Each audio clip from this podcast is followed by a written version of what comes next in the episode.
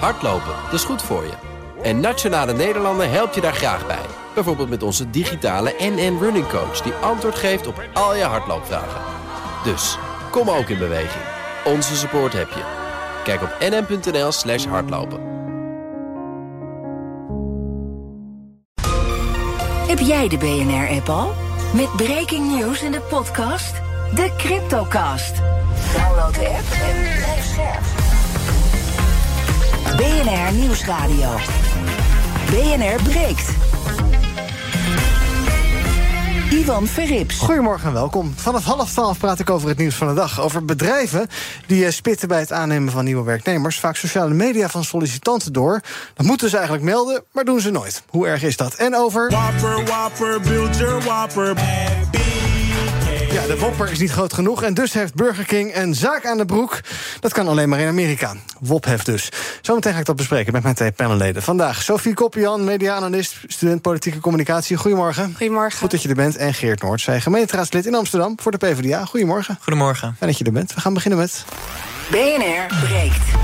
Breekijzer. Uh, breekijzer heeft te maken met de huursector. Verhuurders in het hele land gebruiken ja, omweggetjes om uh, hogere huur te uh, kunnen vragen. Blijkt uit onderzoek van de NOS. Het puntensysteem dat de huurprijs in toon moet houden is oud. En verhuurders die zich eraan houden... dekken de kosten van de hypotheek er doorgaans niet eens mee. En dus vallen ze terug op bijvoorbeeld groepsconstructies.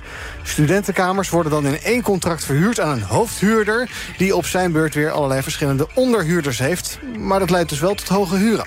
Verhuurders liggen überhaupt onder vuur. Minister De Jonge wil betaalbare huur. Maar zijn plannen lijken ervoor te zorgen dat die verhuurders ja, hun huizen verkopen. Betekent minder huurwoningen, hogere huren. Is de verhuurmarkt inderdaad doorgeschoten... of verwachten we te veel van die verhuurders? Ons breekijzer vandaag is... woningverhuur mag best lucratief zijn. Ik ben heel benieuwd hoe jij erover denkt. Ben je het daarmee eens? Is er in uh, deze krappe huurmarkt juist uh, ja, nood aan wat uh, lossere regelgeving... zodat verhuurders niet besluiten die woningen van de hand te doen? En ja, waarom zou je er niet iets mee mogen verdienen? Of ben het ermee oneens en is het belachelijk... dat vaak jonge huurders maandelijks honderden euro's moeten neertellen... als het niet duizenden euro's zijn? Um, oh, ik zie hier al hoofden schudden. Nou, daar gaan we het zo meteen over hebben. Ik ben ook heel benieuwd wat jij ervan vindt. 020 468 4 keer 0 is ons telefoonnummer. Dus 020 468 4 keer 0 um, Nu bellen, dan kom je zo meteen bij hem in de uitzending. Je kan ook reageren via Instagram. Daar heten we BNR Nieuwsradio. Krijg je over een minuutje of twintig een tussenstand van me. Maar het leukste is als je even belt. 020 468 4 keer 0 Zometeen hoor je hoe Geert en Sofie erover denken. Maar ik begin bij Annemarie Wiesmeijer van de Brugge. Zij is specialist huurrecht bij Brugrecht Advocaten. Goedemorgen. Goedemorgen. Ja, Breekijzer, woningverhuur mag best lucratief zijn. Wat vindt u? Uh, ik vind dat dat uh, inderdaad mag. Mm -hmm. Uiteraard binnen de grenzen.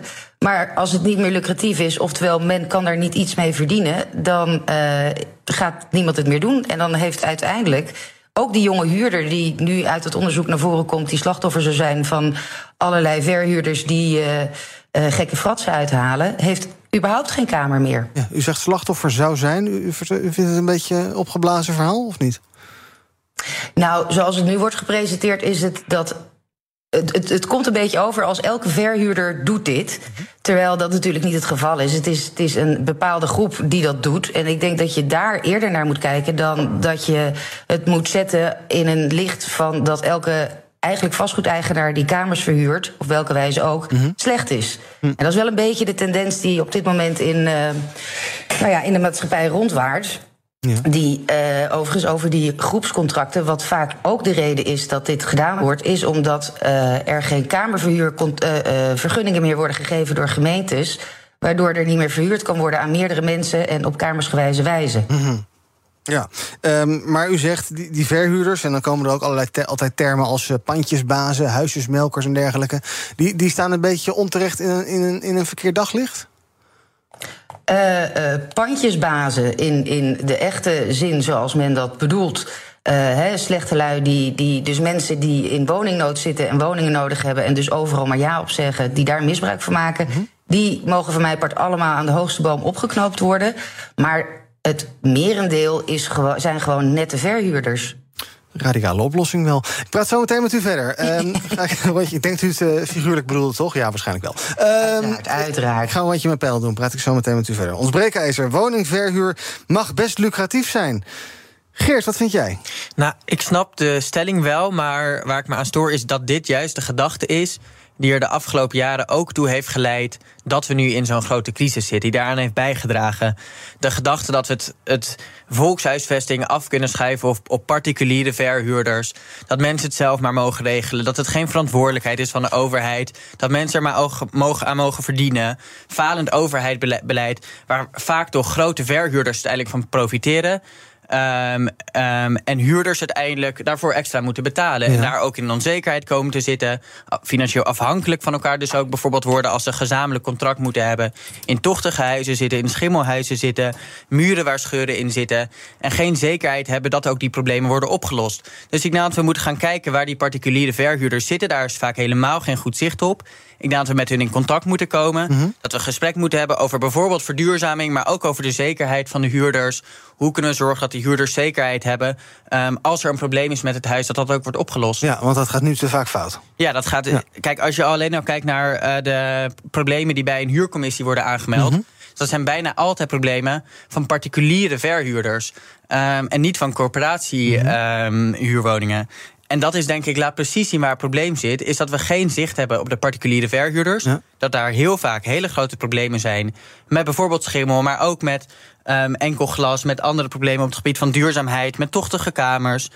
En dat daar geen zicht op is. En dat daar dus ook niet op gereageerd wordt. En dat komt echt omdat de overheid zijn handen ervan af heeft getrokken. En gezegd: laat mensen het zelf maar oplossen. Terwijl hm. juist dit een overheidsverantwoordelijkheid zou moeten zijn. Dan wil ik zo meteen even met je praten over alle maatregelen die eh, minister De Jonge uh, aan het nemen is. Want uh, je kan zeggen wat je wil, maar hij is wel productief. Althans kwantitatief. Uh, we gaan een, even kijken bij Sophie Koppian. Wat vind jij, ons breekijzer? Woningverhuur mag best lucratief zijn. Uh, nou, ik ben het niet eens met de, met de stelling, maar ik denk wel, er is wel een zekere balans. Zeg maar, ik snap ergens die uh, mevrouw die inbelde wel, omdat ik denk dat er inderdaad aan de verhuurderskant vaak een soort van, um, ja, dat ze als een soort van, uh, ja, boze. De boeman. Ja, de boeman ja. worden gezien. Terwijl dat is niet altijd zo, inderdaad. aan de andere kant, zeg maar, hebben we een probleem met woningbouw en volkhuisvesting veel belangrijker dan, zeg maar, het feit dat het een markt is en dat er geld verdiend moet worden. En moeten we vooral erop letten dat de mensen aan de onderkant met de lagere inkomens, dat die wel gewoon een kamer kunnen huren. Ja en daar ook rechten bij hebben. Inderdaad, niet in de schimmel zitten. Mm -hmm. uh, maar bijvoorbeeld, mijn vriend zit dus in zo'n uh, studentenhuis met een uh, groepscontract. En hij had dus laatst een lekkage. Maar ze kwamen gewoon de volgende dag om het te fixen. -huh. Dus het kan ook goed gaan, ja. zeg maar. Er zijn ja. ook inderdaad goede voordelen. En vind je het op zich, als kijk, stel je hebt één of twee huizen en die verhuur je. En daar vraag je een normale, redelijke prijs voor. En inderdaad, als er wat aan de hand is, dan help je daarbij. Um, dat, dat zie je als een soort oude dagsvoorziening. Is dat prima? Of zeg je eigenlijk moeten we dat gewoon principieel niet willen? Nee, dat moet kunnen. Dat moet gewoon kunnen. Ja, absoluut. Oké, okay. voordat we naar de bellers gaan, uh, mevrouw Wiesmeijer. Um, u zegt, u zei net aan het begin van ja, ik ben het eens met de stelling, het mag best lucratief zijn tot een zekere hoogte. Wat is dan een, ja, ik weet niet in welke uh, orde grootte we dat moeten plaatsen. Maar wanneer kan je zeggen van nou, het is prima om er iets mee te verdienen, maar wanneer gaat het te ver? Is eigenlijk mijn vraag. Uh, ik, ik denk dat het te ver gaat als daarbij de belangen van je huurder totaal uit zicht raken. Uh, ik vind dat je. En, en de meesten doen dat. Ik heb heel veel. Uh, kleinere beleggers ook als, als cliënt. En die, die zorgen echt goed voor hun vastgoed. En die gaan goed met hun huurders om. Ehm, en die, die doen het allemaal heel netjes ja, er moet, er moet gewoon een redelijk rendement uitkomen. Waardoor gewoon inderdaad, wat net werd gezegd, het onderhoud gedaan kan worden. Uh, nu is het natuurlijk heel belangrijk dat er verduurzaamd wordt. Um, en uh, uh, nou ja, als er zaken vernieuwd moeten worden, dat het ook moet kunnen gebeuren. En dat er ook nog wat voor overblijft. Want als je niks op je geld terugkrijgt, dan heeft het ook geen nut om dus te gaan investeren. Nee, en dan in, zie je dus. In woningbouw. Ja, sorry. In woningbouw. Ja, en dan zie je dus dat uh, huidige verhuurders en ook beleggers panden verkopen. Die uh, raken dan uh, kwijt voor de huurmarkt, waardoor de huurprijzen weer omhoog gaan. Ja, het, het wordt steeds kleiner dan het aanbod. En wat je nu gewoon ook ziet, is inderdaad, hè, je hebt die tijdelijke huurcontracten. En dat ziet dan ook even op de, de zelfstandige woonruimtes. Mm -hmm. maar vanwege alle plannen die in de lucht hangen en die er, nou ja, er, niet, er volgens nog niet doorheen zijn, heb je heel veel partijen die gaan nu verkopen. Met als gevolg dat daar waar er juist meer ook huurwoningen op de markt zouden moeten komen, uh, het alleen maar afneemt. En de huurder is dan uiteindelijk eh, ja, degene die, eh, die nakijken heeft.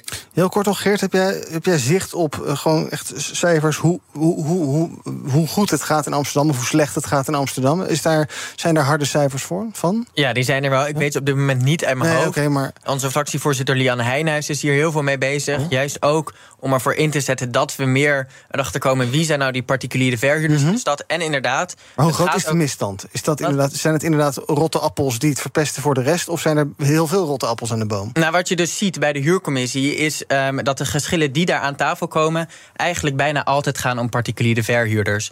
Ehm, dat we bij de verduurzaming echt een probleem hebben met het samenwerken met de particuliere verhuurders. Daar willen we contact mee leggen. Ik denk ook dat we die op moeten zoeken, dat we daarmee samen moeten werken. Om ervoor te zorgen dat het enkelglas naar dubbelglas gaat. Ja. Maar ook dat bijvoorbeeld lekkages sneller opgelost worden. Dat we particuliere verhuurders kunnen aanspreken op hun verantwoordelijkheid. En ik denk dat we moeten stoppen. En dat is toch landelijk beleid van de afgelopen jaren. Met de gedachte dat de markt het wel allemaal oplost. Want dat is gewoon niet zo. Zo werkt dat niet met zoiets fundamenteels als volkshuisvesting. Nou, hoe we met die particuliere verhuurders om moeten gaan, dat gaan we zo meteen nog wel even bespreken. Ook als het om verduurzaming gaat. Want inderdaad, eh, als zij niks doen, hebben ze er ook geen last van. Maar als zij wel iets investeren, dan heeft de huurder natuurlijk voordelen in de energieprijs. Dus hoe werkt dat nou? Gaan we allemaal zo meteen bespreken. Eerst een rondje in mijn panel. 020, of in mijn bellers. 020 468 4 keer 0 Breekijzer, woningverhuur. Mag best lucratief zijn. Even kijken wie er het langst aan de telefoon hangt. Eh 10 minuten al. Remco, goedemorgen. Ja, goedemorgen. Zeg het maar. Ja, nou, wat, wat, wat die jongen van net zegt, de, de, eh, bijvoorbeeld die, die belastingmaatregel die doorgevoerd is, die box 3-regeling. Mhm. Nou ja, stel je voor je bent een eh, kleine particuliere belegger en je moet ineens eh, ja, een groot bedrag neerleggen, bijvoorbeeld voor dubbel glas, voor isolatie. Ja, dan, dan maak je gewoon verlies op je, op op je, op je, op je huurwoning. Kijk, nu zal niemand echt duizenden euro's ermee willen verdienen. Ja, misschien liever wel. Maar eh, ja, duizenden euro's, verliezen, eh, duizenden euro's verliezen lijkt me ook niet echt het plan. Duidelijk, dankjewel voor bellen. Jij bent het Ja. dus wel eens met de stelling. Ehm, Jelle, goedemorgen. Ja, goeiedag. Zeg het maar. Met eh, Jelle Kapitein. Ja. En ik heb een eh, tijdje terug een, eh, een pand gekocht. Eh, een oude schuur. Die heb ik omgebouwd. Eh, een deel voor mezelf om te gebruiken als schuur. En twee appartementjes erboven. Ik ben ondernemer. Ik heb geen voorzieningen. Ik heb geen verzekering. Geen oude dagsvoorziening. Ik heb dit met eigen handen gebouwd. Ja. Toegevoegd aan de woningmarkt. En nu word ik afgestraft. Aan alle kanten geplukt. Ja? En ik voel dat, eh, ik heb toch het idee dat je op die manier een beetje bestolen wordt door de overheid. Ja. En waar, waar, waar zit die afstraffing wat jou betreft? Is dat inderdaad die verhoging van box 3? Of is dat eh, dat, er, eh, dat, dat er voorwaarden komen ook aan de maximum huurprijs voor middenhuur? Of waar, waar, waar zit dat voor maxim- maximering van de huurstijging? Waar, waar zitten de grootste problemen voor jou? Nou, die probleem zit hem onder andere in die box 3 natuurlijk. Ja. Het is een bezit. Eh, als ik er oude, of een, een mooie auto voor had gekocht... en die rijd ik in een paar jaar tijd af... dan word ik niet afgestraft. Nou stop ik het in twee appartementjes. Ik help daar mensen mee. En dan wordt het afgestraft doordat ik er eh, belasting over moet betalen. Ja, Over vermeende inkomsten die ik daaruit zou hebben. Ja, Volgens inkomsten. eh, worden de inkomsten worden geminimaliseerd. Dat, dat ik nu aan een, eh, aan een stafel moet voldoen. En dan kan ik niet vragen het bedrag wat ik hebben moet... om überhaupt er iets aan te kunnen verdienen. Duidelijk, dankjewel voor het bellen. Eh, Jelle, het rijmt. Paulien, goedemorgen. Goedemorgen. Zeg maar. Ja, ik ben het eens met de stelling. Ehm, ja, ik, eh, ik heb zelf ook twee appartementen in de verhuur. En daar gaat nu ook een bord te koop op. Eh, want het wordt gewoon voor mij niet meer rendabel. Eh, ik heb beide appartementen helemaal opgeknapt. Ik heb hele blije huurders. Ehm, ze zeiden zelfs, eh, toen ik, eh, ik heb twee jaar contracten. Bij het begin was het ook van, jeetje, wat vraag je er weinig voor. Het was voor, voor het appartement vroeg ik dan 1000 euro. En het ziet er allemaal zo geweldig uit. Ik had 20 man in één middag die gewoon allemaal wilden komen kijken. En dan denk ik van ja, je hebt ook verhuurders die ehm, ja, een hele hoop buitenlanders er allemaal induwen. En dat het in. En pak die mensen aan. Maar ga niet de mensen aanpakken die het die gewoon eh, het op een goede manier doen. En de marktwerking, zeg maar, in stand houden. Ja, we spraken net even met Jelle. Die zei die voelt zich bestolen door de overheid. Geldt dat voor u ook? Ja, zeker. Zeker. Ja, het is, eh, het is gewoon niet fair.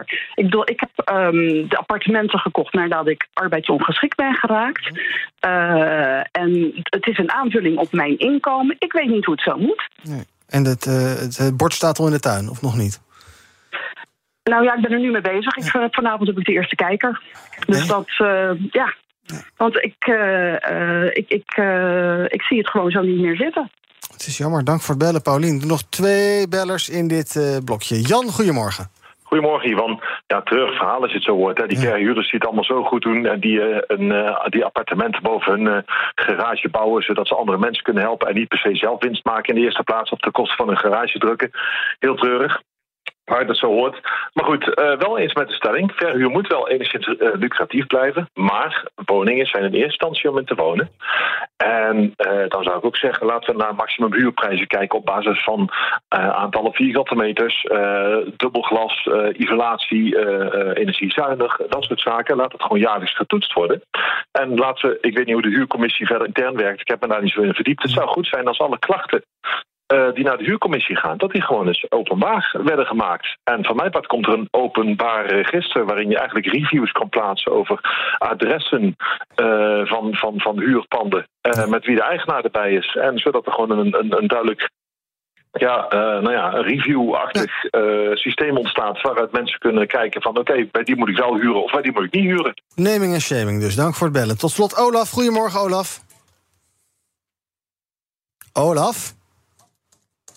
Nou, die is ergens in zijn telefoon. Ik zat of niet? Ja, ik denk het wel. Er staat hier Olaf. Maar oh. ja? Nee, Roeland, sorry. Oh, wat scheelt het. Zeg het maar. Sorry. Helemaal niks. Ja. Nou, als je kijkt, de stelling ben ik uh, gedeeltelijk mee eens. Ik vraag me af waarom gemeentes en overheden niet uh, kantoorgebouwen ombouwen tot studentenwoningen waar studenten zelf het onderhoud moeten doen. Mhm. Mm -hmm. Op die manier zorg je ervoor dat de student nog wat leert. De panden in onderhoud blijven en er heel veel ruimte vrijkomt. En dan krijg je automatisch woningen vrij die gewoon door de gezinnen die woningen ook zoeken gebruikt kunnen worden in plaats van studenten erin zitten. Nou, laten we dat idee gaan bespreken. Dank voor het bellen. Roeland. BNR breekt. Ivan Verrips. Met even mijn scherm erbij, niet Olaf. Um, in mijn panel vandaag Geert Noordzij, gemeenteraadslid uh, voor de PvdA in Amsterdam... en Sophie Koppian, media-analyst, student politieke communicatie. We praten over ons breekijzer. Woningverhuur mag best lucratief zijn. Als je nog wil reageren, 020 468 4 keer 0 Nu bellen, kom je ergens in de komende zeven minuten nog in de uitzending. En ook bij me is Annemarie Wiesmeijer van der Brugge. Zij is specialist huurrecht bij Brugrecht Advocaten. Uh, nou, heel veel dingen gehoord, Sophie. Uh, laten we maar even kijken nog naar dat laatste idee... wat we net hoorden, dat gemeenten zelf wat meer gaan doen. Uh, zou dat een goed idee zijn, denk je? Of zou dat misschien ook marktverstorend kunnen werken? We hebben natuurlijk allerlei nieuwe uh, ideeën als het gaat om uh, thuiswerken, hybride werken, kantoor, vierkante meters komen vrij te staan. Nou, mm -hmm. aan de slag maar. Ja, ik denk dat de uh, gemeentes al best wel veel op een bordje hebben. Want zij moeten toch ook de controles doen op bijvoorbeeld dat puntensysteem en zo, als dat straks wordt ingevoerd. In ieder geval, ik denk ja, als er panden uh, leeg staan en die kunnen voor studenten gebruikt worden, ja, dan dat is denk ik een goed idee. Ja. Maar ik vond het ook een heel goed idee om zo'n soort review systeem uh, in te voeren. Als dat kan. Jij schudt nee. Nee, wat ik het risico van zo'n review systeem. Het klinkt goed, maar de reden waarom nu al veel huurders um, niet durven uh, klachten in te dienen, bijvoorbeeld over hun woningen, is de onzekerheid die erbij komt kijken. Dat ze bijvoorbeeld hun woning uitgezet worden als een klacht indienen. En al helemaal als je dat overal openbaar gaat maken, krijg je aan de ene kant natuurlijk inderdaad dat foute verhuurders. Um, inderdaad gezien worden en dat dat opgemerkt wordt. Maar aan de andere kant biedt het ook extra onzekerheid voor huurders. Um, en daar moeten we denk ik veel meer oog voor hebben. Voor die onzekerheid die huurders nu al hebben. Um, ik ben blij dat we net van verschillende verhuurders hun verhaal hebben kunnen mm -hmm. horen. Maar ik mis ook echt het verhaal van de huurders. Mm -hmm. De huurders die in een onzekerheid leven. Kan ik hier volgende maand nog wel uh, wonen? Wat gebeurt er met mijn huurprijs? Um, wat gebeurt er met mijn uh, kamer die enorme onderhoud nodig heeft? Moeten dan allemaal studenten zelf uh, de gescheurde muren gaan uh, opknappen? Of is dat aan de huurbaas? Ik denk dat dat aan een huurbaas is. Mm. Op zich vertegenwoordig jij dat geluid ook vrij goed hoor, vind ik. Ja, dankjewel. Ja, maar ik vind, ook, ik vind dat ze dat ook meer naar voren moeten ja. brengen. Um, dat verhaal van die huurders ja. um, die in slechte woningen zitten, die in onzekerheid zitten. Ik denk dat dat te weinig naar voren komt. Um, ik hoop ook dat er straks wat inbellers zijn uh, met ervaring hiermee. Nou, uh, huurders uh, die luisteren nu, bellen dan snel nog 020 468 4 Dan kan ik je zo meteen nog even aan het woord laten. Um, nou, heel veel dingen gehoord, inderdaad, Annemarie. Ja, als we even kijken, bijvoorbeeld, ik zei net, die, die verduurzaming. Dat is een onderwerp, dat hoor je vaak. Daar willen verhuurders niet aan, is dan het verhaal wat je hoort. Want ja, wat levert het zo op? Het levert al eigenlijk alleen maar iets op voor die huurder. Zit er iets in? Ja, Uh, er zit zeker wat in, want uh, via het puntensysteem krijg je het bijna niet terug. Uh, dus dan, dan wordt de incentive om daar mee te werken wordt natuurlijk ook kleiner. Ja. Nogmaals, op dit moment met al die regeltjes die in de lucht hangen, gaat niemand meer geld investeren in die huizen. Want ja, als het duidelijk wordt, dan zal er misschien. Dan, dan of een deel gaat het verkopen, of een ander deel denkt: hé, fijn, nou weet ik waar ik aan toe ben. En dan kan ik dingen gaan doen. Mm -hmm. Um, ik wil nog heel even inhaken op wat uh, uh, Geert net zei. Ja. Uh, het, het verhaal van de huurder moet naar voren komen. Nou, ik denk dat dat juist enorm naar voren uh, wordt gebracht. En dat daarom eigenlijk een stigma ligt van iedereen die maar één huisje heeft, is vastgoedbezit, is een voor de verhuur, is, is eigenlijk een slecht iemand. Ik denk wat heel belangrijk is, dat die huurders ook eens even heel goed worden geïnformeerd. Als het over studenten gaan, uh, gaat. Laat universiteiten bijvoorbeeld ook informatieavonden uh, houden. Want je kan gewoon ook bij die groepscontracten, hè, waar we in het begin even over hadden.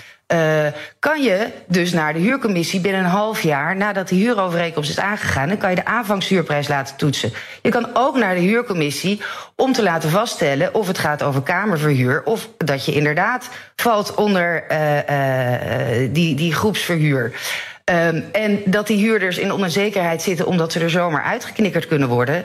Ja, dan gaan we toch even eraan voorbij dat um, huurovereenkomsten alleen maar kunnen worden opgezegd op basis van wettelijke uh, regelingen. Even uh, los van dus die uh, tijdelijke huurcontracten. En dat het uiteindelijk alleen de rechter is die bepaalt of jij eruit gaat. Ja. Dus dat zijn allemaal zaken. Ik denk dat voor de onzekerheid, voor de jonge huurders, voor de, voor de studenten die wat zoeken, dat het heel belangrijk is dat ze weten wat hun rechten zijn. En um, dat ze daardoor misschien ook wat uh, minder in onzekerheid zitten. Ja, maar als je, pro, uh, en, als, je, als je proactief naar de huurcommissie stapt, dat helpt natuurlijk ook niet echt mee voor een lekkere band met de verhuurder. Die, dat is ook gelijk een soort van motie van wantrouwen, toch? Ja, maar ja, kennelijk heeft die verhuurder ook weinig met jou op. En je woont niet met hem samen. Hè. Je huurt alleen een stukje uh, uh, ruimte. Um, en um, ja, dat is, dat is wel vervelend. Maar je hebt gewoon je huurbescherming. Ja. Dus je kan er niet zomaar uitgezet worden. Nee. Maar je wilt er ook niet een heel juridisch circus van maken, natuurlijk, als het even niet nodig is. Uh, we hoorden al meerdere bellers net ook, uh, die, ver, die verhuurder waren, die zelf het hadden over die uh, verandering in box 3. Kan jij kort in een halve minuut toelichten hoe, hoe dat precies zit en hoe dat die verhuurders raakt? Ja, er wordt gekeken naar ook al de, de, de illiquide uh, hoe heet het? Uh, bezittingen. dus als jij een huis hebt, wordt dat extra belast. Terwijl je daar geen, nou, geen geld uit haalt. Want dat wordt pas iets op het moment dat je zou verkopen. en ehm, hoe heet het? wat zat er nou nog meer bij? Ik heb het even niet helemaal helder op het netvlies, maar het was in ieder geval, het moet zwaarder belast worden dan uh, inkomsten uit arbeid. Ja. En uh, op zich is het natuurlijk helemaal niet verkeerd als, als, uh, als je kijkt naar het hele gebeuren, dat de belastingen hier en daar misschien iets omhoog gaan. Mm -hmm. Maar het moet allemaal wel in evenwicht zijn. En ook met alle andere regels van de andere departementen. En nu worden, worden vastgoedbezitters gewoon aan alle kanten geknipt en geschoren. Laten we nog uh, kort een paar bellers aan het woord laten. Uh, ik geloof niet dat er echt veel huurders uh, bellen, Geert. Nou, die durven nog... niet. Nee, die durven misschien niet. Die zijn bang dat ze daarna eruit getrapt worden. even kijken. Peter, goedemorgen. Goedemorgen. Zeg het maar. Ja, um, kort. Ik ben zelfstandig ondernemer geweest, 73 jaar. Woon in een huurwoning met een, met een riante vergoeding aan het pensioenfonds voor de metaal. Want die vraagt er een forse huur voor. En om mijn pensioen toch een beetje, om toch een beetje pensioen te hebben, heb ik mijn bescheiden vermogen belegd in een aantal studio's die ik verhuur. Dat ging heel goed. Tot vorig jaar. Toen werd ik A gekort omdat ik in de sociale huur moest gaan verhuren. Ik mocht niet meer door het puntstelsel wat ze aan hadden gepast. Ja eenzijdig. Moest ik mijn huren verlagen en tegelijkertijd heb ik nu te maken met een fictief rendement. En dat fictieve rendement dat is, is 6,17% voor dit jaar. Ik kan mijn hele opbrengst kan ik wegbrengen naar de Belastingdienst. Ja. Ik begrijp niet dat dat mag, dat dat kan, dat je iemand zo kan benadelen en tegelijkertijd woning in een huis, ook van een huisjesmelker, een pensioenfonds. Want wat doen zij anders? Zij doen precies hetzelfde wat ik doe. En eh, dat wordt wel, dat is, daar mag wel aan verdiend worden, want dat gaat naar de gepensioneerden. Nou, dit, deze opbrengst gaat ook naar een gepensioneerde die, die ze 70 jaar lang hard, ge- of 50 jaar hard gewerkt heeft en zijn bijdrage aan de maatschappij geleverd heeft. Ja, en in ieder geval van mijn netto geld, waar ik rendement op maak, mag ik alles inleveren, eh, omdat ik zwaarder moet worden belast dan dat arbeid moet worden belast. Duidelijk, dankjewel Peter voor het bellen. Het is een oproep aan Den Haag, dankjewel. Eén Eén of twee bellers nog. Alfred, goedemorgen. Ja, hoi. Ik denk dat een groot deel van het probleem is ontstaan. doordat de overheid gaat bepalen wat je mag verdienen. Want er zijn twee. eh, hebben. Dat is, eh, de overheid is woningbouwverenigingen gaan belasten eh, voor hun overwinst. En de gemeente Amsterdam, ik meen ook andere gemeentes, maar ik woon toevallig in Amsterdam, die is gaan verbieden eh, meervoudige verhuur van woningen, grote woningen. De consequentie is dat die grote woningen leeg staan. En dat de woningbouwverenigingen moeite hebben om nieuwe gebouwen te bouwen. En als er te weinig gebouwd wordt, ja, dan gaan vanzelf omhoog. En als dingen verkocht en als huurwoningen verkocht worden, gaan ze nog meer omhoog. En als, zoals dit jaar, de bouwkosten van bouwmateriaal met 25% stijgen. Ik ben toevallig net bij de bouwmarkt geweest, daar stond een lijstje. Dat is gemiddeld 35%. Ja, dan kan het niet anders dan ze omhoog gaan. Duidelijk, dankjewel voor het bellen. Tot slot nog even kort, mevrouw Moelman. Goedemorgen. Goedendag, u eh, spreekt met Samuel.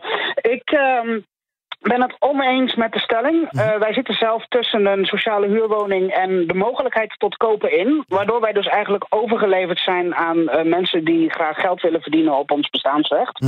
Daar komt het een beetje op neer.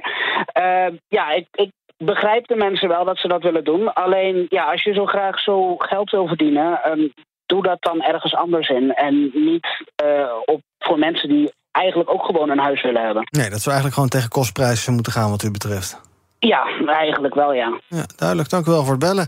Eh, ik kijk nog even naar de politicus in ons midden, Geert. Eh, eh, het- ik- en jouw eerste antwoord was ook al... dat was gewoon een oproep aan Politiek Den Haag... en misschien ook wel de eigen gemeente in dit geval. Daar zit de oplossing? Ja, ik ben heel blij als gemeente. ehm, we zijn nu gekomen met een Amsterdamse aanpak volkshuisvesting. Daar is ook gekeken eh, naar die gezamenlijke con- contracten. Maar we moeten ook realiseren dat, dat het probleem van de woningcrisis niet ligt bij de huurder. Maar dat ligt bij een overheid. Ook niet bij de verhuurder per se. Nou, dat ligt wel bij de overheid. Die verhuurders, zeker grote particuliere verhuurders, ehm, huisjesmelkers, zo- zoals we het altijd noemen, lekker ehm, laten doen wat ze altijd al doen. Eh, de huurders negeren, geen verantwoordelijkheid nemen. En dat is wat de overheid en ook de gemeente gelukkig nu steeds vaker doet. Bijvoorbeeld inderdaad ook met het plan van Hugo de Jonge. Ik ben blij dat er stappen worden gezet. ehm, van, de over, van verschillende overheden om verantwoordelijkheden, verantwoordelijkheden te nemen. Ehm, en ook ik wil even, niemand zegt hier dat alle vastgoedbezitters slechte mensen zijn. Maar we zeggen wel dat er heel veel on- eh, huurders in onzekerheid zitten. En daar moeten we oog voor hebben. Ehm, dat huurders niet durven te klagen, inderdaad. eh, geen klachten durven in te dienen over hun woningen. Dat er huurders in onzekere omstandigheden leven. Dat er zoveel flexibele contracten zijn waardoor ze geen kant op kunnen. Dat de huren opeens weer omhoog gaan. Dat zijn de problemen die we moeten aanpakken. En de overheid moet daar gewoon verantwoordelijkheid voor nemen. Oproep aan het eh, volgende kabinet. Dus nou, misschien moet je dat eerder nog gaan regelen. En misschien ook wel samen met die verhuurder. Zou fijn zijn. Want er wordt nu heel veel besloten waar die mensen gelijk allemaal last van hebben. Is ook niet zo handig dus. Ik dank Annemarie Wiesmeijer van der Brugge. Van eh eh, Brugrecht Advocaten. Fijn dat je bij ons was. Op onze Instagram-pagina 60% het eens met de stelling. Woningverhuur mag best lucratief zijn. Daar kan je nog de hele dag reageren. Zometeen ga ik verder praten over het nieuws van de dag. Over NSC, nieuw sociaal contract. De nieuwe club van eh, Pieter Omtzigt gaat twee drukke weken tegemoet. Want duizend mensen, meer dan duizend mensen... solliciteerden voor een plekje op de lijst. En dat terwijl Omtzigt eigenlijk niet al te veel zetels wil. En we hebben het over... Nee, Woppert. Nee, andere Woppert, die van Burger King. Want eh, die is kleiner dan die op de advertenties lijkt. En dus krijgt de fastfoodketen een zaak aangespannen. Zometeen tweede deel BNR breekt tot zo. Hardlopen, dat is goed voor je. En Nationale Nederlanden helpt je daar graag bij. Bijvoorbeeld met onze digitale NN Running Coach... die antwoord geeft op al je hardloopvragen. Dus, kom ook in beweging. Onze support heb je. Kijk op nn.nl slash hardlopen. Business Booster. Hey ondernemer, KPN heeft nu Business Boosters. Deals die jouw bedrijf echt vooruit helpen. Zoals nu, zakelijk tv en internet, inclusief narrowcasting... de eerste 9 maanden voor maar 30 euro per maand. Beleef het EK samen met je klanten in de hoogste kwaliteit. Kijk op kpn.com slash businessbooster. Business Booster. BNR Nieuwsradio. BNR breekt. Ivan Verrips. Welkom terug. In mijn panel vandaag Geert Noordzij, gemeenteraadslid in Amsterdam... voor de PvdA en Sophie Kopjan, media-analyst en student politieke communicatie. We gaan praten over het nieuws van de dag. Te beginnen op uh, sociale media, want ja, Instagram, TikTok of X. De kans is groot dat je een van die apps gebruikt... en dat weten werkgevers uiteraard ook. Want wat blijkt, één op de vier bedrijven struint juist die accounts af... bij sollicitanten. Blijkt uit onderzoek van de Tilburg University en rendementuitgeverij. NRC schrijft erover. Ze onderzochten 1100 bedrijven, waarvan een kwart dus social media accounts screent. Maar dat mag helemaal niet zomaar. werkgever moet dat eerst aankondigen. En ook moet in de vacaturetekst worden vermeld dat het online gedrag van sollicitanten wordt gecontroleerd. Vooral LinkedIn wordt afgespeurd. En ook dus Instagram en Facebook worden meegenomen in een controle. Um, is toch eigenlijk ook best logisch, Sophie, dat je even, even een rondje googelt. Ik weet niet, jij komt vast ook wel eens iemand tegen die je nog niet kent. Dan ga je even een rondje googelen, is niet zo raar? Ja, ik snap de nieuwsgierigheid wel. Uh, aan de andere kant is het ook niet helemaal eerlijk. Want je vergelijkt mensen op basis van hele verschillende dingen. Uh, mensen kunnen zelf kiezen wat ze van zichzelf laten zien op social media. Mm -hmm. Aan de ene kant heb je daar een eigen verantwoordelijkheid. Aan de andere kant is het niet eerlijk om mensen op basis daarvan te vergelijken. En we hebben ook nog steeds dus een probleem met uh, arbeidsdiscriminatie in Nederland. En ja, op basis daarvan denk ik ook dat het niet helemaal eerlijk is om dat mee te nemen. Ik bedoel, mensen met een niet-westerse migratieachtergrond hebben vaak nog uh, zijn achtergesteld als het gaat om loon en ook als het gaat om toegang tot onderwijs. Ja. ja. Nou, wat zou dat dan uitmaken of je eventjes een rondje Instagram doet om te kijken wat, uh, nou gewoon hoe ziet het leven van iemand eruit, waar is die op vakantie Ja. geweest, uh, wat voor auto heeft, hij, dat soort dingen. Ja, omdat je wel een kijkje neemt in iemands privéleven. Ja, maar dat zet iemand er zelf op en die zet het foto's. zelf openbaar. Ja, daarom zeg ik ook, een deel is natuurlijk eigen verantwoordelijkheid. Maar het is niet een eerlijke manier, vind ik, om mensen, om profielen van mensen met elkaar te vergelijken. Ja, hou jij er rekening mee met wat je online zet, met nou ja, eventueel toekomstig werk en dergelijke? Ehm, ja, maar ik vind ook, je moet ook gewoon jezelf kunnen zijn. En als mensen daar iets van vinden, dan mag dat ook. Ja, ik ben er zelf, ja, natuurlijk let ik erop. Mhm. Maar ik vind niet dat ik elke foto moet, helemaal moet gaan afwegen van, oh ja, is dit verstandig of niet? Ja. Ik vind ook ja, dat eh, werkgevers zouden moeten zien dat dat ook je privéleven is. Wat dus losstaat van wat jij professioneel wel of niet kan. Ja. Ja. Eh, Geert, eh, heb jij wel eens iets gepost waarvan je achteraf dacht van, hm, dat is misschien toch niet zo slim? En wat dan? Ik heb even denken hoor.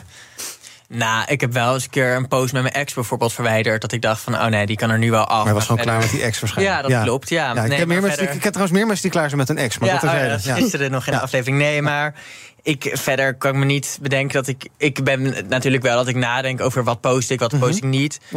Ja. Ehm, Volksvertegenwoordiger notabene. ja, en ik denk dat het belangrijk is ook ehm, wel om social media dan ook te gebruiken om uit te spreken. Eh, bijvoorbeeld als je ergens mee eens of oneens bent. Mhm. Ehm, maar wat hier natuurlijk wel achter zit, ik bedoel, als bedrijven ehm, naar social media kijken, of bijvoorbeeld naar LinkedIn kijken. Schrijf het gewoon in de eh, omschrijving eh, van de sollicitatie. Ik denk een kleine moeite, groot plezier. Maar uiteindelijk wat erachter ligt, en dat zegt Sofie ook net wel heel terecht, is die discriminatie Mhm. op de arbeidsmarkt. En dat is denk ik wel een fundamentele en serieus probleem ook waar we naar moeten kijken. Ehm, en waarvoor we denk ik ook moeten gaan investeren bij de inspectie, bij de arbeidsinspectie. Om te zorgen dat dat echt aangepakt wordt. Je kan ook kijken naar mystery guest inzetten. Ja. Ehm, maar bijvoorbeeld ehm, op basis van profielfoto's wordt al heel snel eh, gediscrimineerd, kan ik me zo voorstellen. Dus ik denk dat we daar wel echt oog voor moeten hebben en dat we dat ook aan moeten pakken. Ja, want kan zo'n eh, eh, rondje social media dan die discriminatie onbewust versterken? Of misschien juist ook niet? Ik weet het niet, ja. Ja, bijvoorbeeld inderdaad. eh, door iets heel simpels als een profielfoto. eh, kan dat, we, we horen eens in de zoveel tijd verhalen op, ehm, in de media al... over mensen die met een andere naam dezelfde sollicitatiebrief opsturen... en dan opeens wel aangenomen worden of op, eh, voor een gesprek uitgenodigd worden. Nou, zo kan het ook gaan met social media. Kijk, ik, denk, ik verwacht, het lijkt me niet dat eh, bedrijven echt mensen uitkiezen... op basis van social media... Ehm, maar ik denk wel inderdaad dat het een rol kan spelen. En ik denk dat we daar waakzaam moeten zijn op het gebied van Oké, arbeidsdiscriminatie. heel even kort nog. LinkedIn. Daarvan denk ik toch dat is bedoeld voor werk vinden en werk zoeken en snuffelen naar wat mensen in hun verleden hebben gedaan qua werk. Moet je het ook dat daarbij zetten? Ik ga je LinkedIn-pagina bekijken. Ja, de, je zou het wel gek zijn als je mijn LinkedIn-pagina niet gaat bekijken. Mhm. Maar Ja. toch moet je transparant zijn, vinden jullie? Ja, ik denk dat dat netjes is. Inderdaad, dat je het vermeldt in de vacaturetekst, dat daar naar gekeken wordt. Ja. Oké, dan gaan we praten over eh, Pieter Omtzigt. Ik heb net nog even op zijn LinkedIn gekeken. Die staat op eh, vrij veel zetels in de peiling. Laatste bij INO Research 31. Maar heeft hij wel genoeg mensen voor op de lijst? Nou, dat was een vraag, maar inmiddels hebben we een antwoord. Nederlands Dagblad meldt vandaag dat meer dan duizend mensen gesolliciteerd hebben... voor een plekje op eh, de kandidatenlijst van NSC, Nieuw Sociaal Contract. Ze hadden tot eergisteravond om zich te melden voor de Tweede Kamerlijst. En dat hebben ze dus massaal gedaan. Nu heeft de partijleiding twee weken de tijd om een selectie te maken uit al die aanmeldingen. Eh, overigens zegt de partij, geloof ik, dat het duizend nog een soort van lage inschatting is. Nou, dan toch, hè, duizend aanmeldingen, 14 dagen. 70 per dag moeten ze gaan beoordelen dus. Ehm, en de vraag is een beetje, hoe ga je dat precies doen? De lat voor de kandidaten ligt heel hoog, zegt de partij. Ja, je zal maar aan eh, Pieter Omtzigt moeten tippen. Eh, heel benieuwd hoe jullie erover denken. Je hoort vaak, eh, NSC eh, kan overal stemmen weghappen hè, van het hele politieke spectrum. Heb jij, Sofie, al een... eh, ik weet, je bent in het verleden bij het CDJ betrokken geweest. Ja. Al een overstapje ge- ge- overwogen? Nee, absoluut niet. Nee. Niet? Ja, ik denk dus dat uh, Omtzigt daar ook voor moet waken uh, met zijn partij. Want het, het, trekt ook opportunistische of mensen die vanuit opportunistische oogpunten de overstap maken. Mhm. Ook onder andere vanuit andere partijen. Dus ik denk dat zij heel goed moeten gaan opletten of mensen vanuit werkelijk een overtuiging uh, bij uh, nieuw sociaal contract zich aansluiten. Of uh, vanuit een vorm van Ja. opportunisme. Ja. Ja. Is duizend kandidaten eh, goed nieuws, want je hebt heel veel keuze? Of, is of heb je een soort van eh, hooiberg opengetrokken waar je een speld in moet gaan vinden? Ehm, ja, biedt zeker ook kansen, denk ik. Ik denk als zij dat goed hebben georganiseerd en ze kunnen inderdaad die gesprekken goed afnemen, ja, dan hebben ze misschien straks een hele mooie lijst. Ja, Ja, maar 70 gesprekken per dag. Ja, dat is heel veel. Ja, ik weet ook niet hoe ze het hebben georganiseerd. Nee. Ik eh, hoop dat ze genoeg mensen hebben om dat ook te kunnen doen. Ja, heb jij Ja. daar nog eh, misschien tips voor NSC? Want het is natuurlijk een jonge partij. We weten dat eh, Kilian Wawoe, die we ook kennen van de VU als beloningsdeskundige... die zit geloof ik in de commissie die over de kandidatenlijst gaat. Heb jij nog tips hoe hij eh, de eerste schifting kan gaan maken? Nou, ik denk dat hij dat heel goed zelf kan. En ik geloof ook dat hij gewoon een goed team eh, om zich heen heeft. Ik geloof niet dat hij zelf één voor één drie gesprekken persoonlijk van een twee uur gaat voeren met al die mensen. Maar hij heeft gewoon een heel goed team, geloof ik, om zich heen. En het laat, geloof ik, wel heel veel zien ehm, als eh, er zoveel mensen zijn die zich aanmelden. Dat gewoon de steun ook voor omzicht heel eh, groot is. En eh, ik denk ook dat het daarom heel goed is dat hij meedoet. Het zou toch heel zonde zijn als een politicus die heel veel mensen steunen. ehm, niet meedoet met de verkiezingen. Dus ik denk dat het heel goed is. Ehm, ik denk ook dat we het, wat hij ook zegt, veel moeten hebben gewoon over de inhoud. Ik kijk enorm uit naar de debatten tussen Omtzigt en Timmermans bijvoorbeeld. Over de inhoud.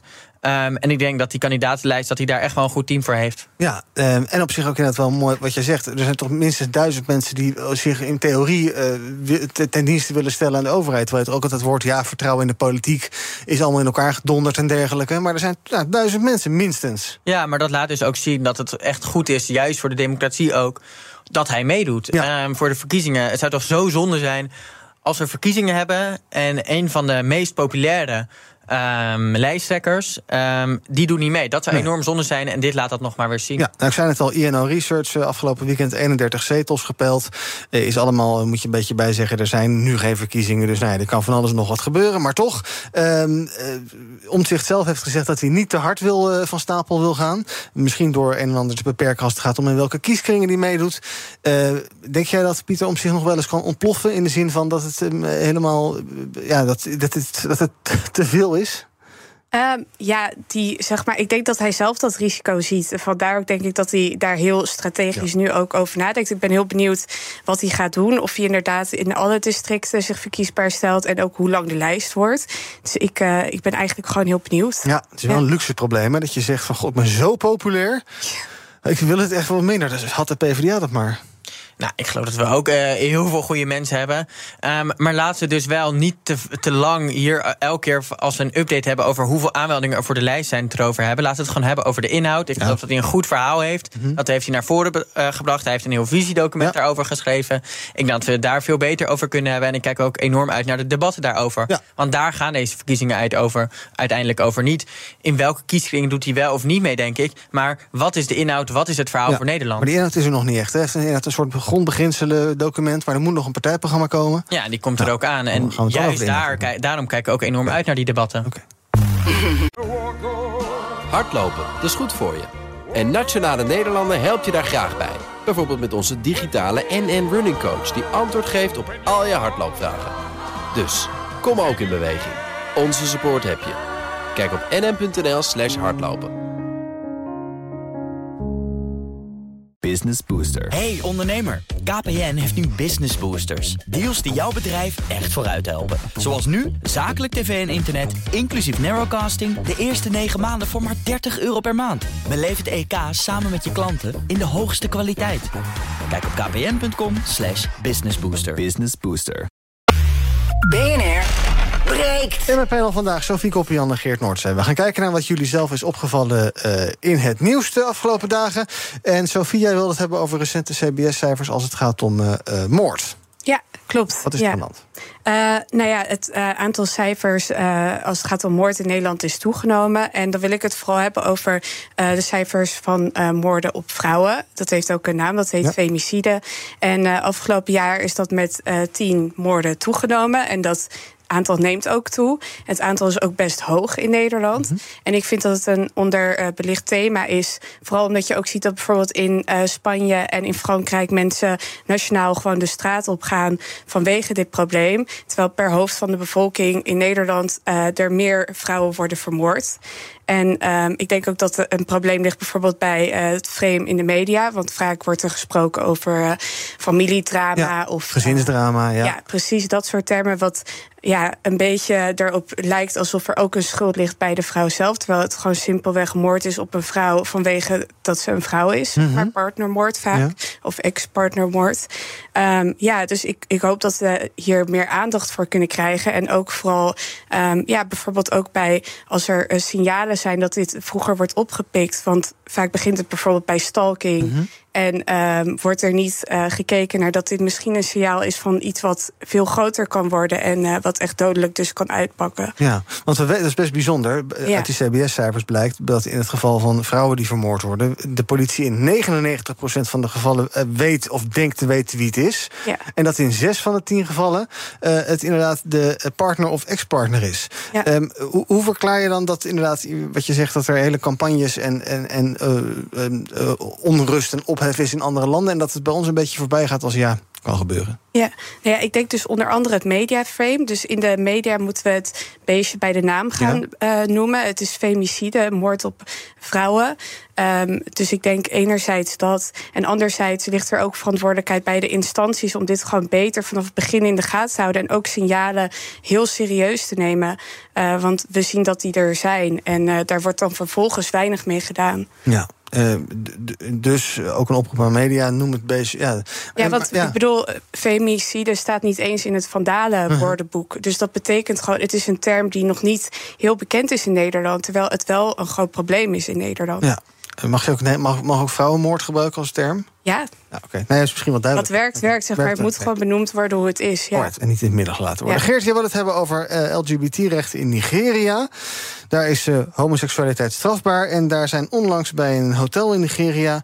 eh, tientallen mensen, ik geloof bijna 70 mensen gearresteerd... ehm, eh, toen er een trouwerij bezig was in een hotel. Ja, klopt.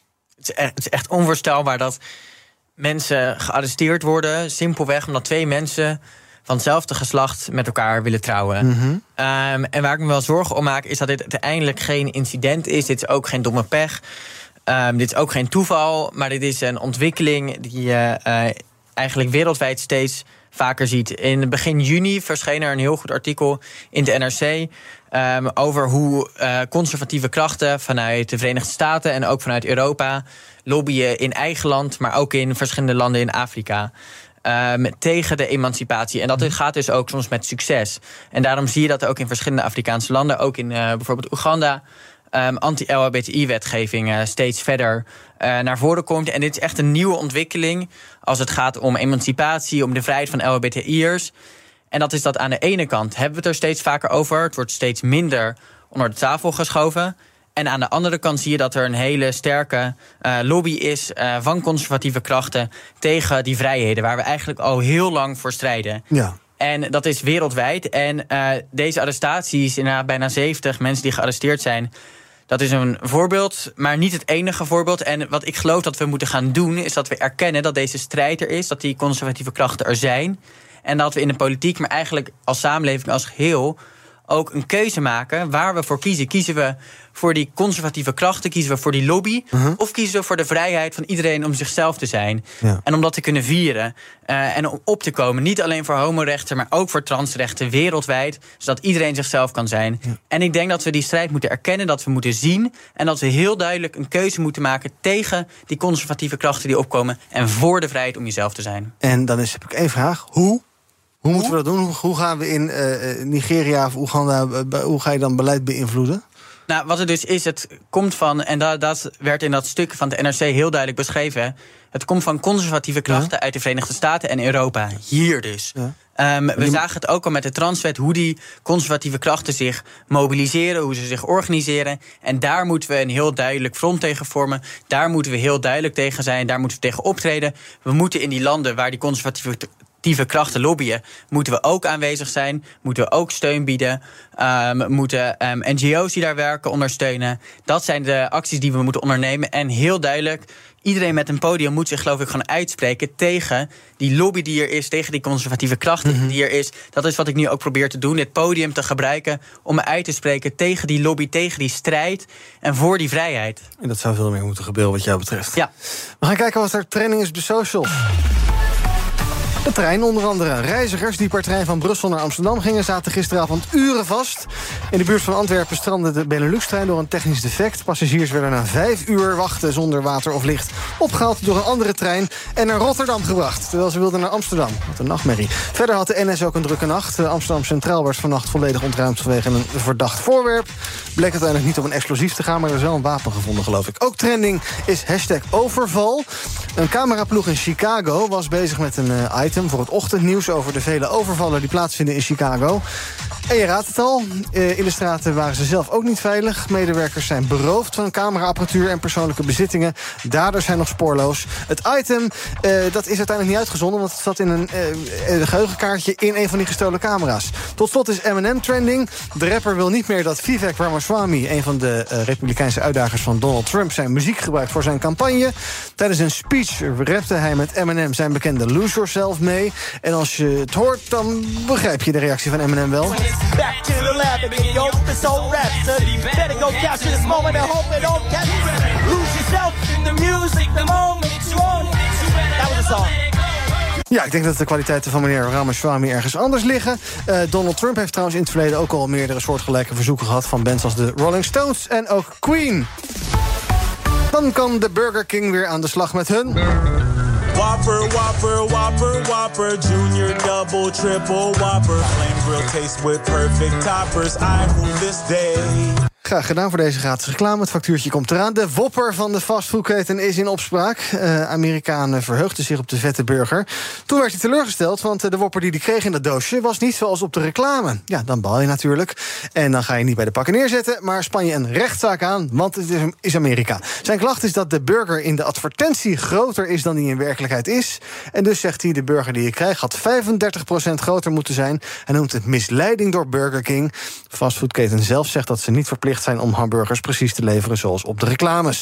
Heb jij deze ervaring ook, Sofie? Dat je soms ja, reclames tegenkomt en dat je denkt: oh, dat ziet er lekker uit. En dat je iets koopt dat je denkt: gat. Ja, ik ben blij dat hij de rechtszaak heeft aangespannen. Anders had ik het misschien gedaan. Oh, is dat zo, ja? Nee, maar ik ben wel altijd... Ja, het is inderdaad gewoon misleiding. Want ik, eh, ik ga heel af en toe naar de McDonald's... maar ik ben eigenlijk altijd teleurgesteld. Want op de plaatjes ziet het er gewoon beter uit, vind ik... dan Ja. wat je er echt voor krijgt. Ja, en vind je dan ook echt dat, dat die reclames realistischer moeten zijn? Het zijn natuurlijk niet voor niks reclames. Het bedoelt om je te verleiden, je over te halen, je, je Ja. ja, naar de winkel te trekken. Ja, je hebt een grens, weet je. Want het moet wel, op het plaatje moet wel te zien eh, zijn wat je ongeveer krijgt. Als Ja. er de helft beleg op zit of eh, het klopt gewoon niet helemaal, dan is het niet eerlijk. Ja, Taco Bell heeft dat ook wel eens gehad. Die had inderdaad de helft van de vulling ten opzichte van wat er in de advertentie was. Ik eh, kan me voorstellen, Geert, dat jij in de gemeenteraad andere prioriteiten hebt, maar misschien toch een onderwerp. Ja, dit zit inderdaad niet onder mijn eh, dingen waar ik mee bezig nee. ben. Portefeuilles.